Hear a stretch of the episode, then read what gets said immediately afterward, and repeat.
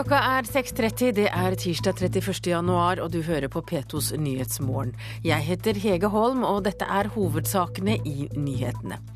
25 av EUs 27 medlemsland sier ja til å delta i unions nye finanspakt. Det ble klart på toppmøtet i går kveld.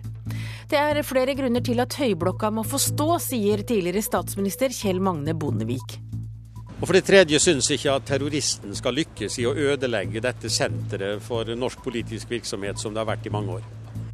Bjørkeris og spanskrør innføres i skolen igjen, men bare til undervisningsformål.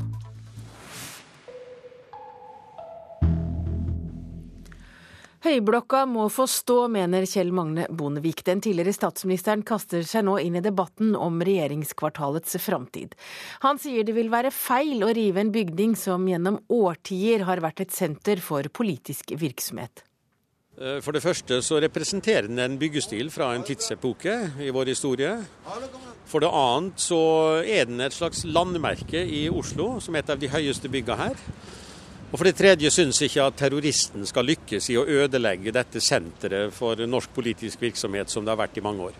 Tilbake på sitt eh, gamle arbeidssted. Med seks og et halvt år som regjeringssjef er Bondevik en av de statsministre som har sittet lengst på toppen av den raserte høyblokka. Som statssekretær, som kirke- og undervisningsminister og som statsminister var regjeringskvartalet i mange år hans arbeidsplass. Det gjør fortsatt inntrykk å se ødeleggelsene, som i dag er delvis skjult av presenninger og høye gjerder. Det var en forferdelig tragedie. Og i dagene etterpå stå og se opp mot eh, der en sjøl har gått inn og ut i mange år, det skapte en veldig nærhet til denne tragedien. Mens bygningsarbeiderne holder på bak sperringene, ser den tidligere statsministeren for seg et regjeringskvartal som også omfatter flere av bygningene i nabolaget. Og statsministerens kontor behøver ikke nødvendigvis være på toppen av høyblokka. En har jo Deichmanske bibliotek liggende rett ved siden av, som har en eh, flott fasade. Eh, en måtte sikkert eh, forandre alt innholdet i det hvis det skulle kunne huse et statsministerens kontor, men det syns jeg kan utredes. Så har vi Møllergata 19, også i samme område. Også med en flott fasade mot Youngstorget for øvrig. Eh, og Det er vel delvis allerede i bruk til regjeringsformål, men det kunne kanskje huse statsministerens kontor eller Utenriksdepartementet, da i kombinasjon med bygg bak, sånn at det ble stort nok. Bondevik vil ha et stort regjeringskvartal som omfatter alle departement. Han mener dette vil innebære mange fordeler. Jo, jeg tror det er veldig rasjonelt for arbeidet. Det kan også by på sikkerhetsmessige fordeler. Da må en trolig kjøpe opp kanskje en del omkringliggende bygg for å få det til. Og så er det viktig at det ikke blir en dukka betongørken, men at det blir grønne lunger og åpne areal hvor folk kan ferdes. Nå står vi også og ser opp på Y-blokka, der du en gang var sjef som kirke- og undervisningsminister. og Her har vi denne flotte dekorasjonen av Picasso. Hvor viktig er det å verne den blokka? Jo, Den syns jeg også, hvis det teknisk og sikkerhetsmessig forsvarlig, bør uh, gjenoppbygges. Uh, fordi det er en naturlig del av regjeringskvartalet. Det er en god del uh, historie knytta til den allerede. Og ikke minst disse Picasso-tegningene er jo veldig spesielt og flott å ha i et regjeringskvartal. Ja, her hørte vi altså Kjell Magne Bondeviks ønskeliste for regjeringskvartalet.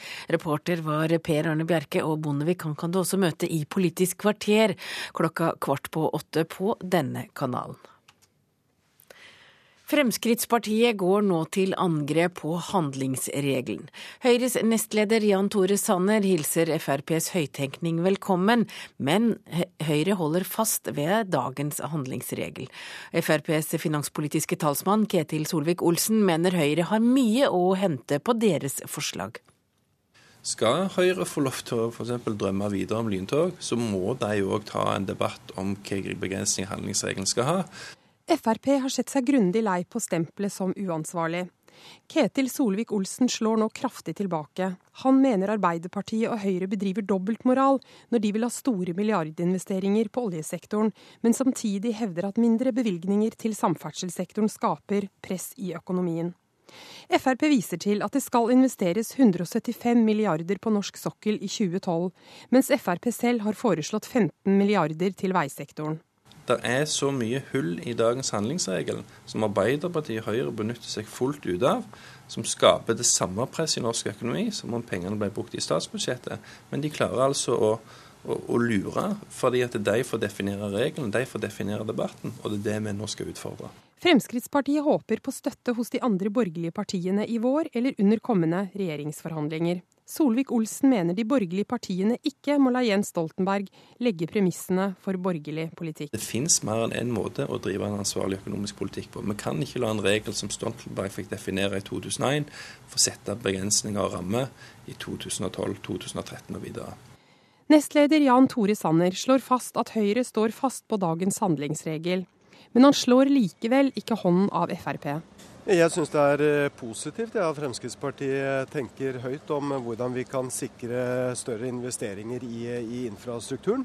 Og jeg mener at det som er uansvarlig, det er hvordan de rød-grønne partiene lar være med å bruke oljepengene på det de var tenkt å brukes til, nemlig investeringer i kunnskap og infrastruktur. Hvordan tror du Høyre kommer til å forholde seg til det når det forslaget ligger på bordet? Jeg er helt sikker på at Høyre og Fremskrittspartiet kommer til å bli enige.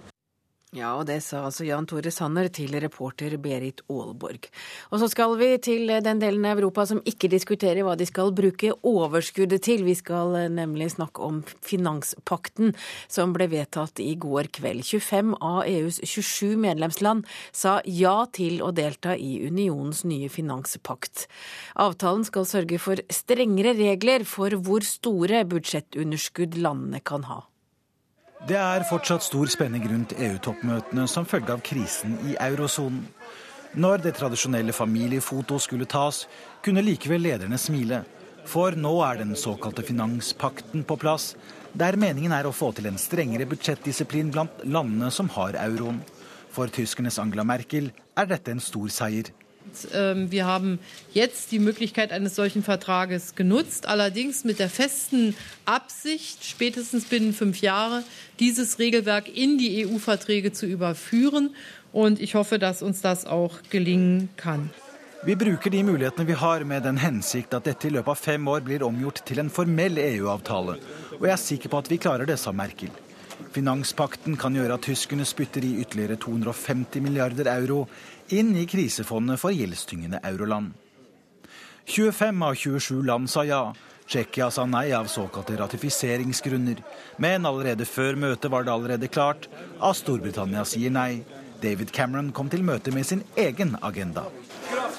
Well, this is a European Council where we need to get really serious about the growth agenda in Europe. That means completing the single market, it means signing trade deals with the fastest growing parts of the world, and it means a serious effort at deregulation. Dette er et EU-møte som vi må ta vekstsituasjonen i Europa på alvor, sa han. Utenfor landene som slutter seg til pakten, får være med på ett toppmøte i året. Og alle EU-landene som har sagt ja, skal godkjenne den endelige teksten før finanspakten trer i kraft. Og reporter her var Øyvind Nyborg. Ja, da har vi kommet fram til en runde med dagens ferske aviser. Helseministeren har fått nok av indre splid og lokale dragkamper. Nå krever hun full lojalitet, skriver Dagsavisen. I går byttet hun ut hele styret i Helse Midt-Norge. Nordmenn kjøper seg oftere fri fra helsekøen. Siden 2003 er tallet på nordmenn med helseforsikring nær tidoblet. I dag har 300 000 nordmenn egen forsikring som hjelper dem ut av den offentlige behandlingskøen, skriver Aftenposten. Køene ved Bergen legevakt er unødvendig lange, mener fastleger som tar vakter ved legevakta. Bedre organisering kunne kuttet køene med 25 anslår tillitsvalgte, og det er BT som skriver om køene i Bergen. VG på sin første side har bilde av en ny minnemynt. Kong Harald er portrettert på mynten, men kritiske røster mener at portrettet overhodet ikke ligner på kongen. En av fem vil at Norge skal si opp EØS-avtalen, og en av tre vet ikke hva avtalen inneholder, skriver Vårt Land.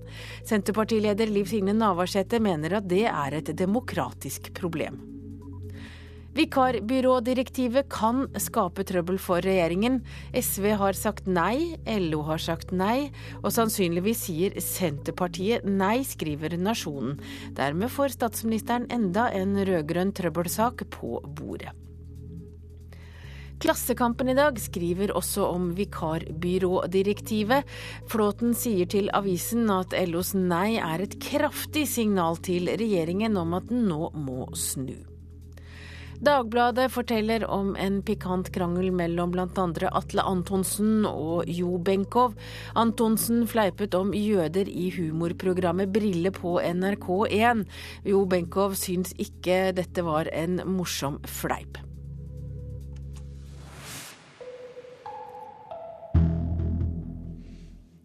De norske langrennsløperne har ikke innfridd forventningene denne sesongen. Til tross for at norsk skisport ligger på verdenstoppen i sponsorinntekter, har altså resultatene uteblitt. Nå må vi skjerpe oss, sier Eldar Rønning. Det er jo egentlig bare to einere i langrenn nå, det er Petter og Dario. 10, 23, 31, 35, 42, 43. Nei, det er ikke rekka i Vikinglotto, men derimot verdenscuplista, den såkalte distansecupen for landslagsløperne våre, når vi ser bort fra Petter Northug som topper. Og resultatene i NM var heller ikke oppløftende. Landslagssjef Åge Skinstad lurer på om målet for mange er nådd når landslagsplassen er sikra. Det som kanskje er faren, er at, eh, at opplegget er såpass bra at eh, at det, det så mye, ligger så mye motivasjon i å komme meg på landslaget. Altså Mange som har liksom, hovedmål blir å komme meg på landslaget. Det kan være litt skummelt. Sportssjefen har et meget godt poeng. Hvis det er blitt sånn at uttak er en prestasjon, da skjønner jeg ikke stort. Det sier NRKs langrennsekspert Carl Henning Gran. En mulighet kan være å krympe elitelaget, satse på en bredere rekruttavdeling og, og, se om det er mulig å få opp noen nye løpere i løpet av en sesong eller to. Eldar Rønning syns ikke det er noe god idé. Jeg syns systemet som er nå, nå har vi et rekruttlag og vi har et, et sprintlag og et, et allround-lag. og Nå er jo en del eh, løpere fra rekruttlaget som har prestert eh, veldig bra. Niklas Dyrhaug og og Finn Hågen og, så, så, og Didrik Tønseth nå til, til, slutt. Så det ser jo veldig lyst ut for uh, framtida. Ja, Så får vi jobbe at de får rett i det. Reporter her var Pål Thomassen. Bjørkeris og spanskrør innføres i skolen igjen, men på en litt annen måte enn for 100 år siden. Skulket du skolen eller slurvet med leksene den gangen, kunne det svi skikkelig, for da hentet læreren fram bjørkeriset, og du måtte ned med buksa. Ukjent historie for mange barn i dag. Tenk deg det, at eh, du eh, kom på skolen og så har du glemt å gjøre matteleksa. Hva skjer da? Uh, jeg får kjeft av læreren. Vet du hva de fikk i gamle dager? Nei. Da fikk de ris på rumpa. Oi. da, tok, da tok lærerne sånn, så la deg over kneet, og så dro ned buksa, og så fikk de bjørkeris. Au. Taran og de andre elevene på Madsebakken skole ser mistroisk på meg når jeg forteller hvordan lærerne straffa elevene rundt forrige århundreskifte. Det interkommunale arkivet i Kongsberg, IKA, har henta fram detaljer om hvordan sånn straff foregikk, for avstraffelsene blei behørig protokollført, forteller rådgiver Knut Jorheim. Her har vi noe vi kaller straffeprotokoller. Det er kilder fra arkivet. Vi har da fra, fra Horten og, Tønsberg og Larvik. Vi er tilbake i, i, tid, fra 1889 til 1936. For da skulle disse, eh, straff, disse groveste formene for straff også Da snakker vi om, eh, om, om ris og om eh, spanskrør de skulle føres i protokoll. Straffen som elevene fikk er derfor godt dokumentert, men lite kjent og lite brukt. Knut Jorheim og hans kolleger har lenge lurt på hvordan dette materialet kan brukes til noe fornuftig i dag. Og de har kommet fram til at tegneserier som bygger på straffeprotokollene, er én måte å formidle denne historien til elevene på. Og Da har vi jo eh, gjort det grepet at vi har engasjert eh, noen serieskapere, altså tegneserieskapere, som, som da har fått utgangspunkt, tar utgangspunkt i dette materialet, og, og, og på sin måte formidler, eh, formidler uh, historier. Hvilken verdi tror du det vil ha for uh, elevene i ungdomsskolen å, å, lære om dette her? Ja, De vil jo se at dette ok, det er en del år siden, men ikke veldig lenge historisk, at det faktisk var slik i den norske skole. Og Bare det i seg selv ville være grunn til å, å, å ha en del å snakke om, vil jeg tro. Også se på andre kulturer som kommer inn med, sitt, med sin bakgrunn. Eh, og hvor, hvor, dette kanskje ikke er noe fremmed i det hele tatt. Så her eh, tror jeg det er ganske mange perspektiver. Prosjektet er støtta med penger bl.a. fra Norsk kulturråd, og tegneseriene skal utgis i undervisningshefter på 52 sider og tilbys ungdomsskolene som klassesett. Det kan bli spennende lesning, for protokollene byr på mye dramatisk råmateriale. Ja, vi har f.eks. Anton her. Han altså er ved Larvik folkeskole og er i perioden 1903 til 1907. Og, og jeg ser her at han i 1904 fikk, ja, han fikk to slag for uro og, og mangel på, på flid, står det. Altså, Da er vi på det nivået. Ikke noe grovt. Vi har andre her, som Hans Nilsen, som, som i 1895 Han fikk vel 42 slag en, eh, fordelt på seks ganger. Da, da, snakker vi Han hadde en lei tilbøyelighet til å rømme fra, fra skolen, og det kan vi jo kanskje forstå. altså, så, så det, det, springer en del i, i avstraffelsen, men, men, det er ganske mange slag som deles ut. Det hadde vært veldig rart å liksom få det på skolen. Høres det ille ut? Ganske ille. Ja, reporter her var Ingar Andreassen. Du hører på Nyhetsmorgen i NRK P2 og Alltid nyheter. Klokka er 6.46, og dette er hovedsaker i nyhetene. 25 av EUs 27 medlemsland sier ja til å delta i unionens nye finanspakt. Høyblokka må få stå, sier tidligere statsminister Kjell Magne Bondevik. Han vil flytte statsministerens kontor til Deichmanske bibliotek. Og BBC er i Norge for å lage 22. juli-dokumentar.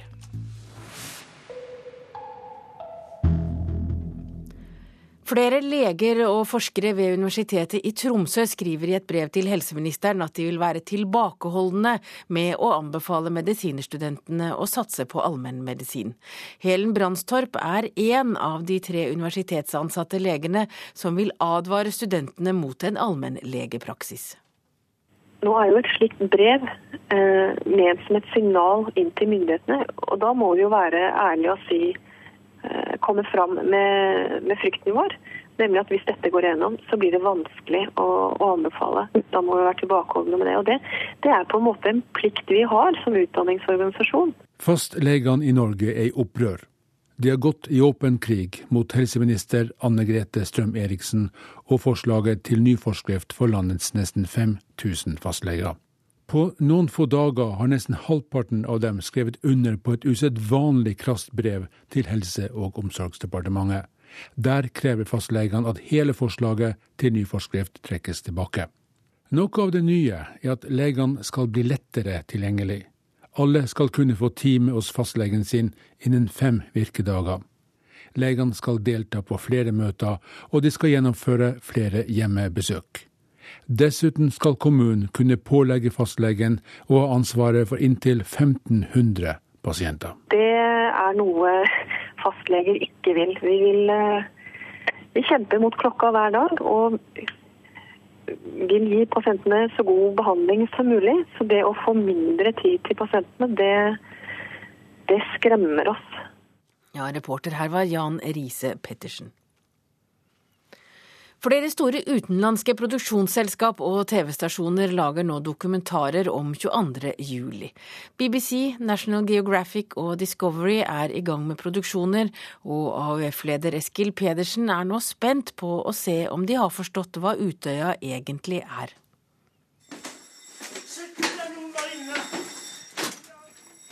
Bildene fra Oslo sentrum 22.07 gikk verden rundt i tiden etter terrorangrepet. Nå, et halvt år etter, er interessen for tragedien fortsatt stor. Tre internasjonale TV-selskaper er nå i gang med hver sin 22. juli-dokumentar. Uh, we are here in Oslo and Norway to make the BBC's main documentary about the terror attacks against Norway on the 22nd of July. BBCs produsent Anne Ler forteller at de vil konsentrere seg om det store bildet. We're not here to make a sensational documentary about a violent massacre. We are here to make a documentary about the big, big issues uh, and an historical, make an historical account, a factual account of what actually happened. We're not here to focus on violence or sensationalize uh, or intrude in any victims' lives. Vi vil ikke fokusere på vold, sier Ler.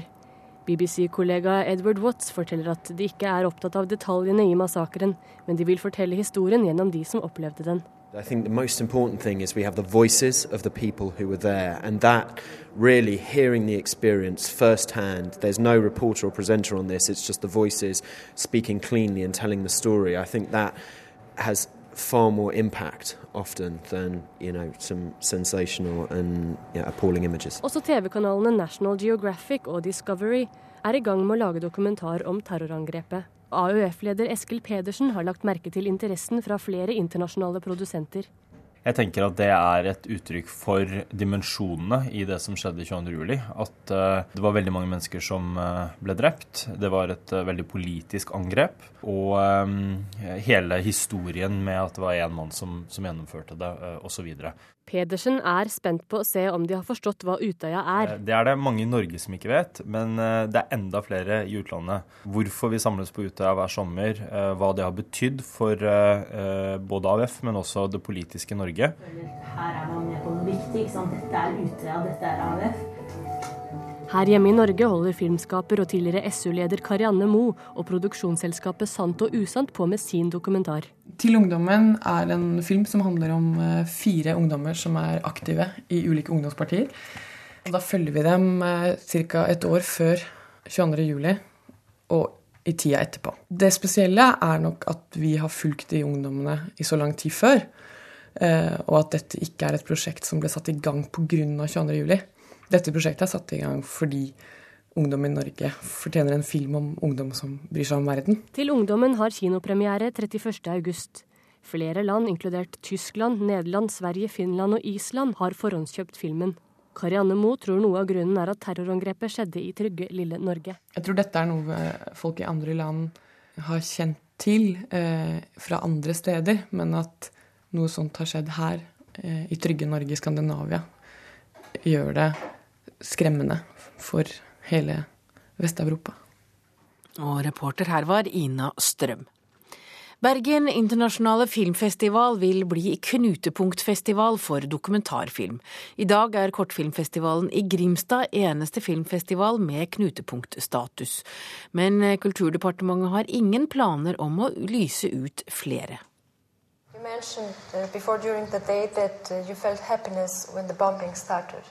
Dokumentarfilmen 'Reunion', ti år etter krigen, var en av dokumentarfilmene en kunne se på Bergen internasjonale filmfestival i fjor. BIFF har jo hatt en tradisjon i mange år på å ha et sterkt fokus på dokumentar. Det er jo uh, altså Over halvparten av filmene som blir vist på festivalen, er jo dokumentar.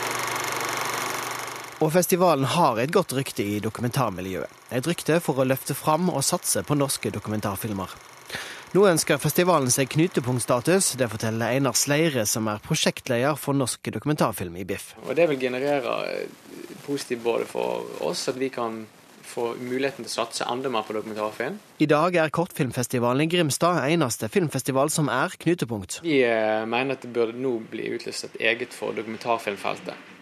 Og det er det ikke per i dag. og eh, det håper vi at det blir. Men ifølge politisk rådgiver i Kulturdepartementet, Kjersti Stenseng, trenger verken BIFF eller andre filmfestivaler å holde pusten. Det ligger ingen konkrete planer for å tildele nye knutepunktstatus til nye festivaler nå i 2012. Altså, det inntrykket hos Art og BIFF og den kunnskapen vi har om BIFF, er jo at det kvalitetsmessig er en veldig god festival innenfor dokumentarfeltet. Så men det er jo heller ikke slik at alle festivaler som, som på en måte er ledende innenfor sitt område, får knutepunkt. Altså, jeg tenker jo at det er veldig dumt, da. Det sier Jon Haukland, mannen bak Reunion ti år etter krigen, som fikk juryen sin spesialpris under Biffi i 2011, og som senere på året hanka inn en Amanda for beste dokumentarfilm. Fordi at Dokumentarfilm er på en måte en sjanger som eh, flere og flere er interessert i, og det er på en måte så mange ting som knytter seg til dokumentarfilm, både fra et journalistisk perspektiv og fra et filmatisk perspektiv perspektiv. Så det å ha en, en, en stor og bred dokumentarfilmfestival i Norge, det er veldig viktig.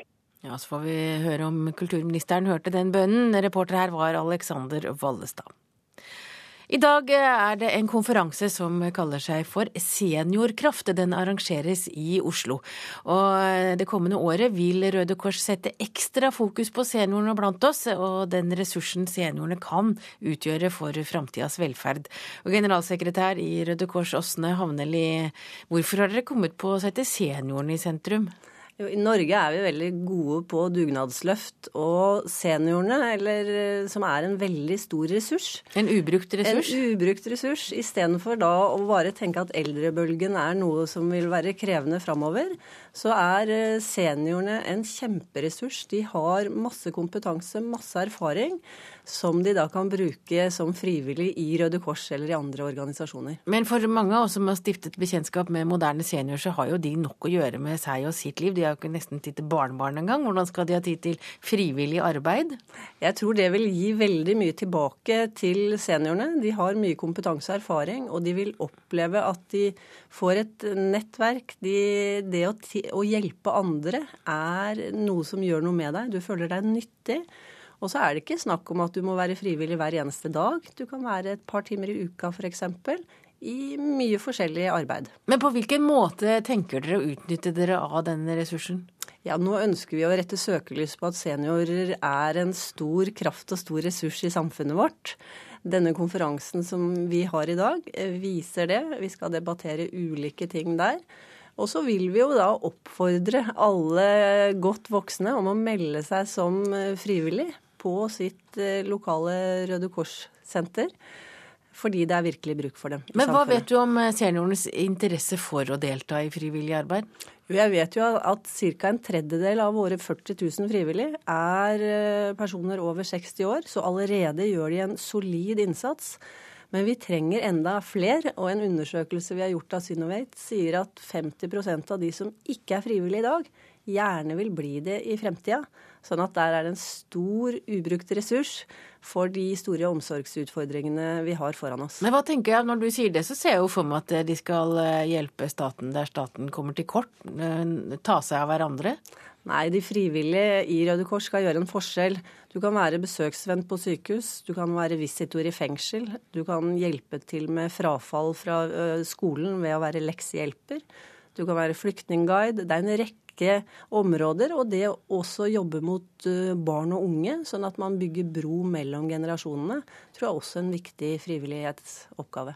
Her i Nyhetsmorgen så har vi en sak eh, som, i dag som viser at eh, over 100 000 eldre er deprimerte, og at det er et tall som øker hver dag. Kan dere som nå skal ta et seniorinitiativ, også få mange av de deprimerte eldre ut av hus og inn i et sosialt nettverk? Altså, Jeg er jo ikke noen lege, kan svare på akkurat det. Men det som vi har sett ut fra våre undersøkelser og frivillighet, er at det å være frivillig, så får du så mye tilbake. Det gir deg helsegevinst, det gir deg velvære. Det at du er i et nettverk, og ikke minst du føler deg nyttig i samfunnet. Lykke til med seminaret i dag. Takk til deg, generalsekretær i Røde Kors, Åsne Havneli.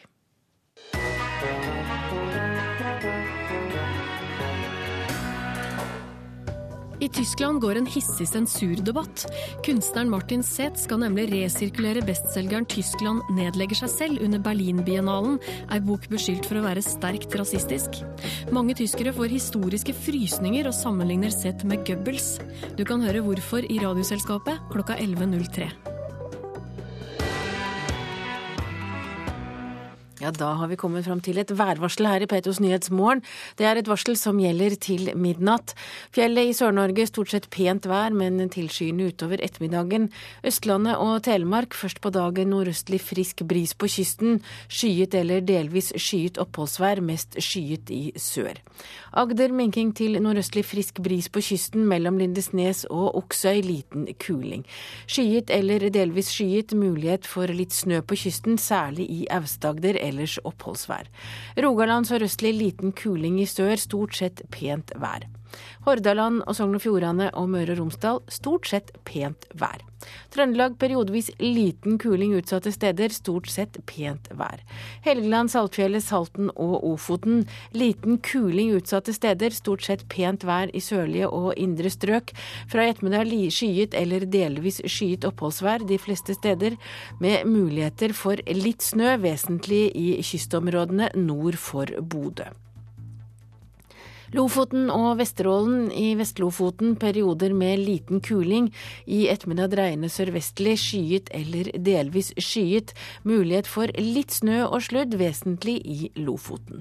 Troms sørøstlig bris, liten kuling utsatte steder. I ettermiddag dreiende sørvestlig på kysten.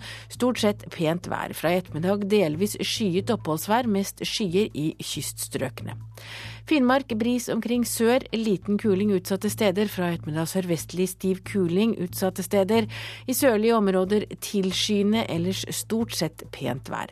Nordensjøland på Spitsbergen sørvestlig frisk bris utsatte steder. Spredt snø.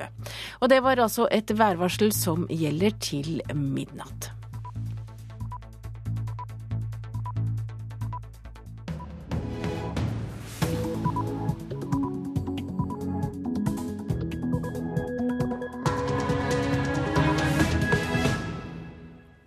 Klokka er sju, du hører på Nyhetsmorgen. Jeg heter Hege Holm, og her er en nyhetsoppdatering.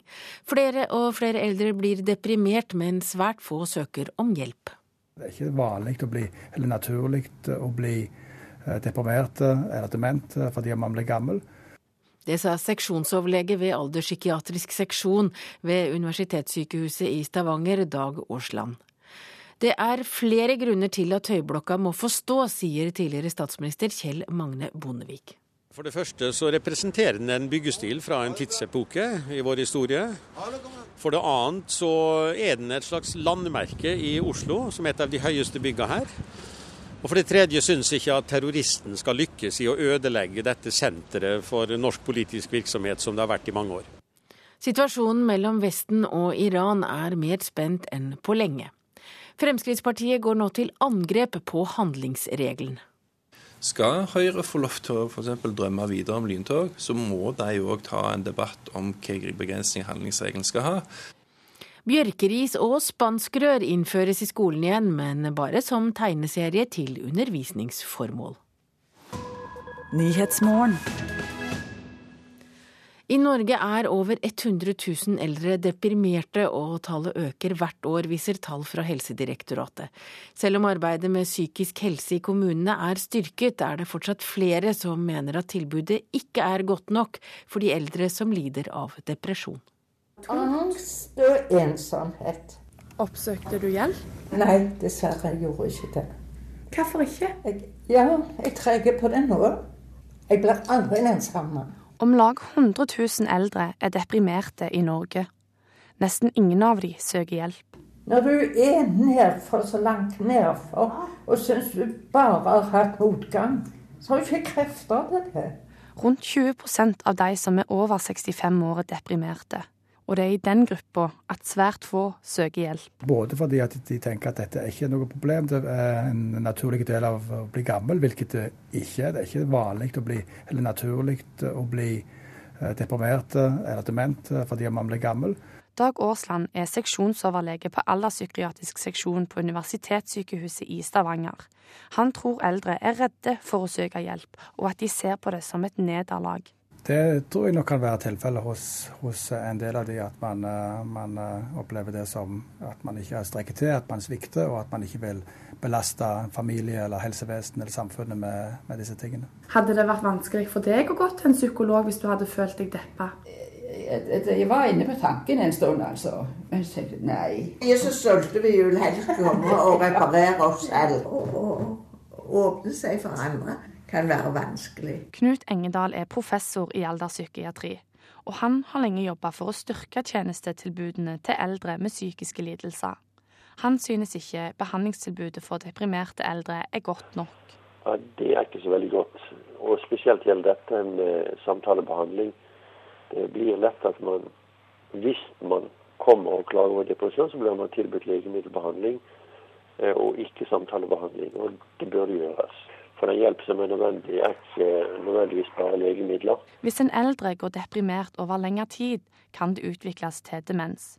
Både Aasland og Engedal frykter at depresjon og demens blir en helseutfordring for samfunnet etter hvert som eldregruppa øker.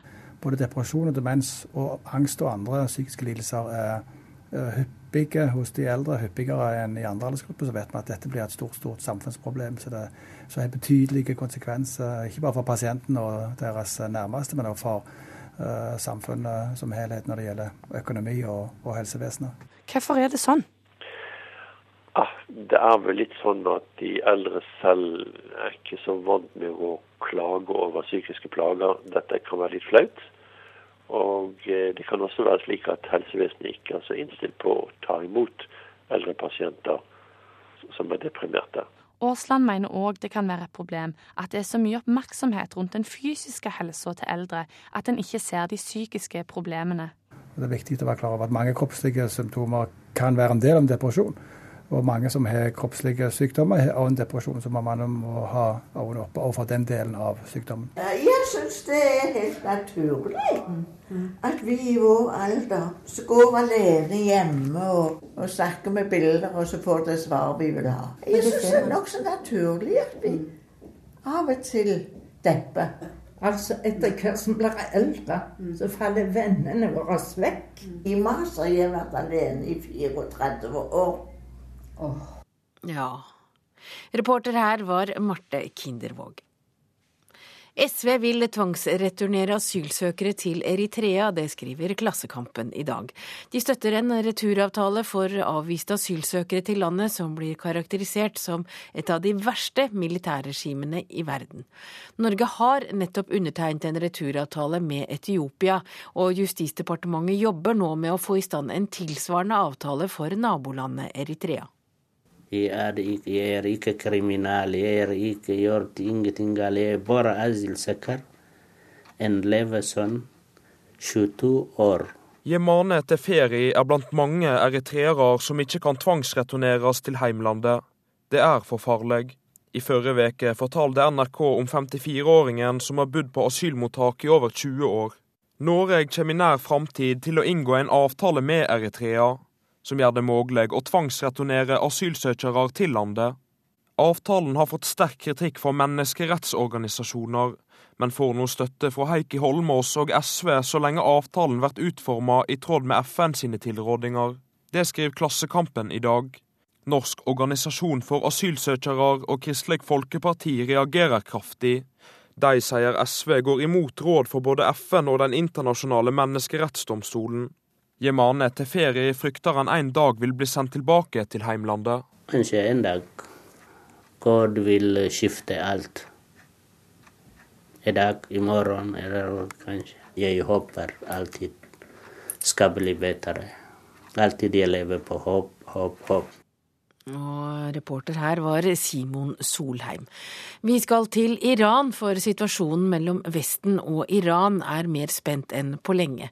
Og Israel truer stadig med å angripe landet. Men i Teherans gater er det få som tror at USA har råd til enda en krig, og de tror heller ikke at Israel er en trussel. Jeg tror ikke at krig er sannsynlig. For Iran er et strategisk land som er helt forskjellig fra Afghanistan og Irak. Det mener Borna, en ung økonom vi treffer på kafé i Teheran. Ingen av de unge mennene rundt kafébordet tror en krig er rundt hjørnet. Jeg ser ikke for meg noen væpnet konflikt, for Iran har allierte som Russland og Kina, og USA ønsker neppe å komme i konflikt med disse stormaktene, sier Babak. Etter at USA bestemte seg for å boikotte Irans sentralbank og alle som handler med den, truet det iranske regimet med å stenge Hormuz-stredet. Truslene om å stenge Hormuz-stredet har sendt oljeprisene opp og skapt frykt for konfrontasjon mellom Vesten og USA, og muligens et israelsk angrep, eventuelt med USAs støtte. Are you worried that there will be a war? Because Not many. war. I don't think so. War with Iran because war, America or another country, they must spend a lot of money for the war. Forretningsmannen Nadir Ameri tror ikke USA har penger til noen ny krig. Only thank, sanction they can do with Iran. This is same as war. I flere år har israelske politikere raslet med sablene og truer stadig med å angripe Irans kjernefysiske anlegg. Israelerne er overbevist om at iranerne planlegger å skaffe seg atomvåpen. Statsminister Benjamin Netanyahus mantra de siste årene har vært at den islamske republikken er en eksistensiell trussel mot den jødiske staten, og at president Ahmadinejad er verdens nye Hitler. Ameri tror ikke at Israel mener alvor. Israel, Israel is no zero. Israel is nothing. You're not scared No, no, don't worry for Israel. Because 50% of Israel people is Iranian people. Dessuten er halvparten av alle israelerne egentlig iranere. De har jo immigrert herfra, sier han. I likhet med Ameri er det få vi treffer som virkelig tror at Israel våger å angripe den iranske kjempen. Den kjente iranske TV-journalisten Mohsen Hajilu skremmes ikke av alt snakket om en mulig væpnet konflikt. USA har dårlige erfaringer fra krigene i både Irak og Afghanistan, så hvorfor starte en ny krig? Dessuten er Iran helt annerledes enn Irak og Afghanistan. Vi er en flere tusen år gammel kulturnasjon. Og hvor gammel er den amerikanske nasjonen? Hvor mange år er staten Israel? Disse unge statene har ingen rett til å angripe oss. Vi har ikke gjort noe galt mot dem, sier Hajilu, som jobber for Irans statlige fjernsyn. Og det sa Sissel Wold, som er i Teheran. Og vi skal fra Teheran til Syria, for krisen i Syria blir stadig blodigere, og dødstallene de siste dagene er de høyeste siden demonstrasjonene mot regimet i landet startet for ti måneder siden. Tidligere fredelige demonstranter har tatt til våpen, og det meldes om at opprørerne har hatt kontroll over flere forsteder i Damaskus, som i går ble gjenerobret av syriske styrker. Og Midtøsten-korrespondent Sigurd Falkenberg Mikkelsen, hvordan eh, vil du karakterisere situasjonen i Syria akkurat nå? Den har gått fra alvorlig til svært alvorlig. Eh, den, eh, det blir blodigere og blodigere for hver dag som går. Og den syriske hæren virker fast bestemt på å slå tilbake alle forsøk på å nærme seg hovedstaden Damaskus av naturlige årsaker. Noe av grunnen til at regimet har kunnet holde så lenge, er at de har klart å holde ro i de to store byene, Aleppo og Damaskus. Og det har altså vært harde slag i forstedene til Damaskus som disse, disse opprørsgruppene har holdt. Og så går vi også inn i en mer intensiv diplomatisk fase nå. Det kom jo i går ubekreftede meldinger om at flere hundre unge menn ble massakrert av syriske sikkerhetsstyrker i byen Rankus. Hva mer vet du om det? Jeg tror man skal være veldig forsiktig med å bombastisk se på hva som skjer i Syria. Det er vanskelig å bekrefte detaljer, og det er stort sett påstander fra begge sider om hva som foregår. Men at regimet har begått overgrep, det har menneskerettighetsgrupper dokumentert. Og vi får altså meldinger fra aktivistgrupper om at hundrevis av unge gutter er arrestert, og at det er frykt for hva som kan skje med dem. Men det er vanskelig å gå inn i detaljer og få de bekreftet slik situasjonen er nå. Er det borgerkrig i Syria? Det meste tyder på det, at vi i hvert fall er på vei inn i en borgerkrigsfase av denne oppstanden, som jo begynte som fredelige demonstrasjoner. Det virker som om aktivistene har til dels resignert til at våpen er den eneste løsningen. Også, men så lenge den internasjonale situasjonen er løst, så, så er det jo heller ikke noen snarlig løsning, eller snarlig voldelig løsning på denne konflikten. Men hva betyr det at Den arabiske liga nå har trukket ut sine observatører? Det er et veldig sterkt signal fra Den arabiske liga, som jo har forsøkt å være aktiv i denne krisen. De har kommet med svært offensive resolusjonsforslag, som har blitt kontant avvist av det syriske regimet. Så det at de nå trekker observatørene tilbake De er fortsatt i Damaskus, men de er ikke aktive. Det er et signal om at de ikke er villige til å fortsette uten en form for bedring på bakken. Og de har også blitt kritisert av opposisjonen for å gå Assads ærend. Men nå får vi se hvordan forhandlingene i FN går. Den arabiske liga har også nå sin generalsekretær Nabil El Arabi i New York for å legge fram Den arabiske ligas forslag, og da til kanskje til en avstemning i FN. Takk til deg, Midtøsten-korrespondent Sigurd Falkenberg Mikkelsen. Og vi skal snakke litt mer om Den arabiske liga og FN, for vi har fått deg i studio, Fafo-forsker Kjetil Selvik. Og altså, Den arabiske liga håper jo nå da på FNs støtte i arbeidet for å løse krisen i Syria. Og det legges fram en fredsplan. Hva kan komme ut av dagens møter i Sikkerhetsrådet? Det vel, avhenger i veldig stor grad av hva som kommer ut av forhandlingene mellom Russland, som framstår som Syrias fremste beskytter her, og, og, Vesten. Nå skal Sikkerhetsrådet lytte til Den arabiske liga, hva de har kunnet observere i Syria, ta stilling til deres plan. Men Russland har sterke egeninteresser knyttet til dette regimet, og jeg veldig, frykter veldig hva som skal komme istedenfor, og mener at opposisjonen ikke Kan ikke du beskrive litt hva slags interesser de har? Nei, så Russland er jo en gammel alliert av Syria. Dette var fra Sovjetunionen, så var jo Syria på en måte en krontappis i Russlands Midtøsten-strategi. Den dag i dag så har de Eh, en militærbase i Syria. De selger masse våpen til Syria. Og ikke minst så befinner Syria seg halvveis til Iran, som også er en alliert av Iran, og som Russland betrakter som en, en motvekt mot en økende vestlig innflytelse i, i Midtøsten. Så, så Russland er eh, interessert i å skape fred? Virkelig? Nei, ja, faktisk så tror jeg at Russland altså, også ser at dette går ikke riktig vei. Jeg tror Oslo og Russland eh, øver press på Syria for å få de til å eh, komme i retning av en avtale. De øver mer press på Syria enn det de forteller det internasjonale samfunnet internasjonalt. Internasjonalt så legger de opp en veldig maksimalistisk posisjon og sier at vi vil legge ned veto mot det som skjer i Sikkerhetsrådet. Men jeg tror ikke dørene er fullt så stengt hvis man virkelig går inn for å forhandle med russerne. fordi eh, også Russland ser nok at dette regimet er på vei mot avgrunnen. Og de kan også tenke seg at de forteller det til det syriske regimet. Men hva, de, hva, slags løsning kan de komme fram til? De har på et overordnet plan? Den plan, Ideen til Den arabiske liga om en overgangsregjering som involverer deler av regimet og deler av opposisjonen, der eh, Bashar gir makten til sin visepresident, og at man har en overgangsperiode, den er ikke fremmed for Russland. Men opposisjonen sier før vi vil i hele tatt snakke om dette, så må Bashar gå av. Så man er fortsatt på maksimalistiske posisjoner. Men jeg tror ikke avstanden nødvendigvis Men er det realistisk at Bashar går av? Eh, det er ikke helt urealistisk hvis han får sikkerhet for eh, minoriteter, hvis han får beholde posisjoner i, eh, i sikkerhetsstyrken, og ikke minst hvis han selv får immunitet for seg og sine, og beskyttelse.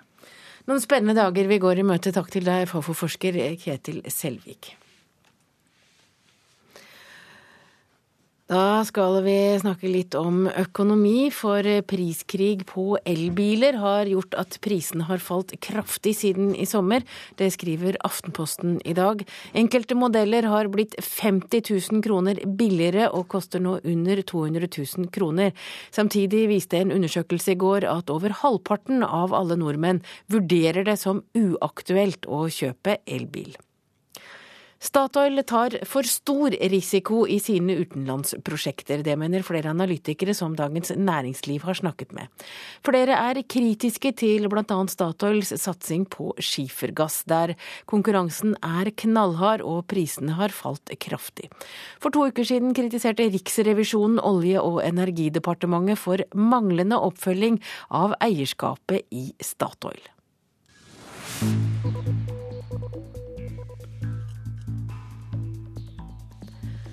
Klokka er 7.17. Eh, du hører på Nyhetsmorgen i NRK P2. Dette er eh, hovedsaker i nyhetene. Flere og flere eldre blir deprimerte, men svært få søker om hjelp. Leger og forskere ved Universitetet i Tromsø truer med å advare studenter mot å bli allmennleger. Og Høyblokka må få stå, sier tidligere statsminister Kjell Magne Bondevik.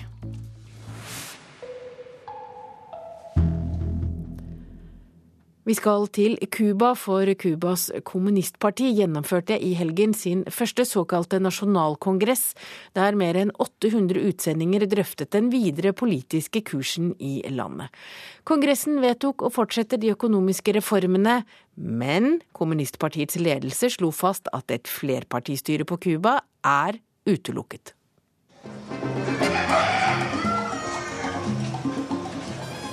Det er politisk vår i lufta i gamlebyen i Havana. For det har skjedd viktige endringer i det stivbeinte cubanske kommunistregimet de siste årene.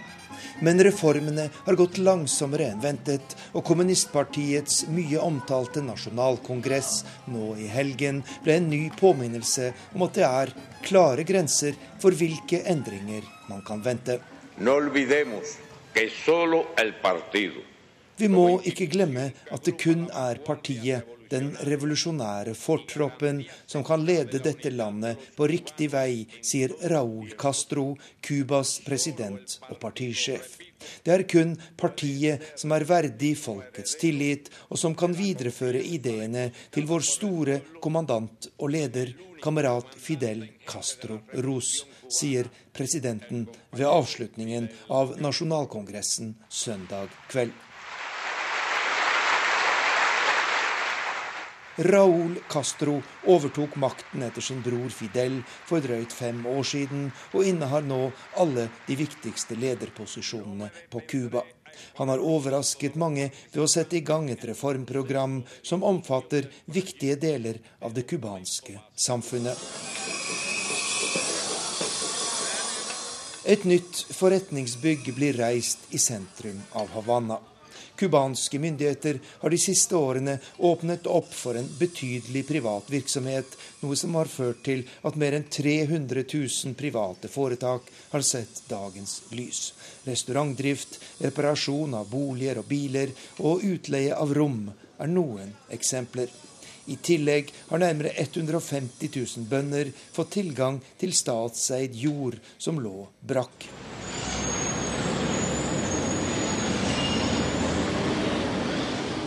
Fortsatt minner den cubanske bilparken om et museum fra 1950-tallet, men nye kjøretøyer er blitt et stadig vanligere syn etter at myndighetene tillot fri omsetning av biler. En annen viktig reform er at folk fritt kan kjøpe og selge bolig. Men den kanskje viktigste reformen, overføring av en halv million ansatte fra den blytunge offentlige administrasjonen til privat virksomhet, har gått langt tregere enn ventet. Og kritikere av Castro-regimet minner om at reformene utfordrer sterke krefter i det cubanske samfunnet. Vi må ikke glemme at det er mange som ikke ønsker disse endringene, sier forfatteren Luis Adrian Betancourt. Svært mange cubanere lever et privilegert liv som følge av sin posisjon i kommunistpartiet, og de ønsker ikke å gi fra seg disse godene uten kamp, sier den cubanske forfatteren. Og det sa Arnt Stefansen. EU ber FNs sikkerhetsråd trappe opp presset mot Syria for å få slutt på undertrykkelse og voldshandlingene i landet. Portugal kommer i år til å ha en statsgjeld på 1500 milliarder kroner, ifølge Det internasjonale pengefondet. Det er frykt for at landet skal havne i like store problemer som Hellas og bli presset ut av eurosonen. I Jemen er elleve drept i et droneangrep. Minst fire av de drepte skal ha vært lokale Al Qaida-ledere. Det er ikke kjent hvem som sto bak angrepet, men USA har tidligere benyttet droner i lignende angrep. I USA ser det ut til at Mitt Romney vinner republikanernes nominasjonsvalg i Florida med klar margin. Romney har en oppslutning på 43% Gingrich må nøye seg med 28% i viser en meningsmåling. Og så har vi kommet fram til en runde med dagens aviser. Helseministeren har fått nok av indre splid og lokale dragkamper. Nå krever hun full lojalitet, skriver Dagsavisen. I går byttet hun ut hele styret i Helse Midt-Norge. Nordmenn kjøper seg oftere fri fra helsekøen. Siden 2003 er tallet på nordmenn med helseforsikring nær tidoblet. I dag har 300 000 nordmenn en forsikring som hjelper dem ut av den offentlige behandlingskøen, skriver Aftenposten. Og køene ved Bergen legevakt er unødvendig lange, mener fastleger som tar vakter der. Bedre organisering kunne kuttet køene med 25% anslår tillitsvalgt. Det er BT som skriver om køene. VG på sin første side har bilde av en ny minnemynt. Kong Harald er portrettert på mynten, men kritiske røster mener at portrettet overhodet ikke ligner på kongen. Én av fem vil at Norge skal si opp EØS-avtalen, men én av tre vet ikke hva avtalen inneholder, skriver Vårt Land. Senterpartileder Liv Signe Navarsete mener at det er et demokratisk problem. Og vikarbyrådirektivet kan skape trøbbel for regjeringen. SV har sagt nei, LO har sagt nei, og sannsynligvis sier Senterpartiet nei, skriver Nasjonen.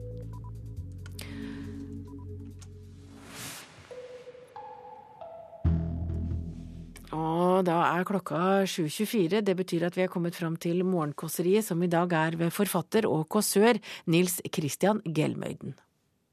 Det er mye vi mennesker tar for gitt. For eksempel hverandre.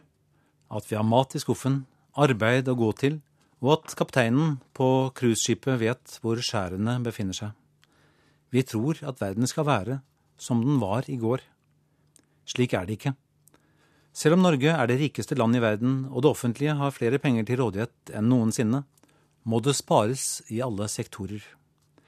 I nyhetene forrettes daglig denne ubegripelighet. Reduksjoner gjør at barneskolen nedlegges og pleierne ikke har tid til å passe på den farfaren i livet som alle skulle ha. Oppunder julekvelden for noen uker siden utgikk det et brev fra NRK til alle landets morgenkåsører med beskjed om at programposten er besluttet nedlagt fra og med februar.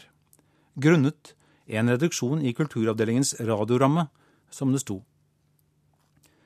En opprørt morgenkåsør tok straks initiativ til en underskriftsaksjon på internett. Han håpet at det ville bli en folkebevegelse. Det hadde vært noe. Med en tarirplass av rasende radiolyttere i ryggen skulle vi lempet en million underskrifter inn på kontoret til kringkastingssjef Bjerkås. Tvunget i kne med signaturer til halsen ville han tryglet om formiddagskåseri, kveldskåseri og nattkåseri, og vi ville stått der som en gullrekke, skulder ved skulder, og sagt at det må vi nesten få tenke litt på, fordi en større kanal har lagt inn et bud det er vanskelig å si nei til. Men verden er ikke slik. Etter en måned har til sammen 169 mennesker signert oppropet, hvoriblant flere faktisk er morgenkåsører. Man kan ikke si at folkets hengivenhet stømmer mot oss gatelangs. Kulturkanalen P2 har en lytterandel på 4,7% kunne man nettopp lese. Kanalen er farlig nær det som i politikken bærer navnet sperregrensen. Skal ballongen stige, må noe kastes over bord. Det lar seg forstå at kåsørene er de første som går fyken. Vi har vært innvandrere i NRKs studioer siden 1968, da Ebba Haslund og Johan Borgen tok seg til rette ved mikrofonene. Selvfølgelig må NRK prioritere, som alle andre. Som utenforstående og fremmedkulturelle flest har vi ingen fagforening som beskytter våre interesser. Vi er sjanseløse som polske trailersjåfører på blankslitte sommerdekk over tregrensen i januar. Tiden stiller dessuten andre krav til allmennkringkastere nå enn i 1968. Det skal f.eks.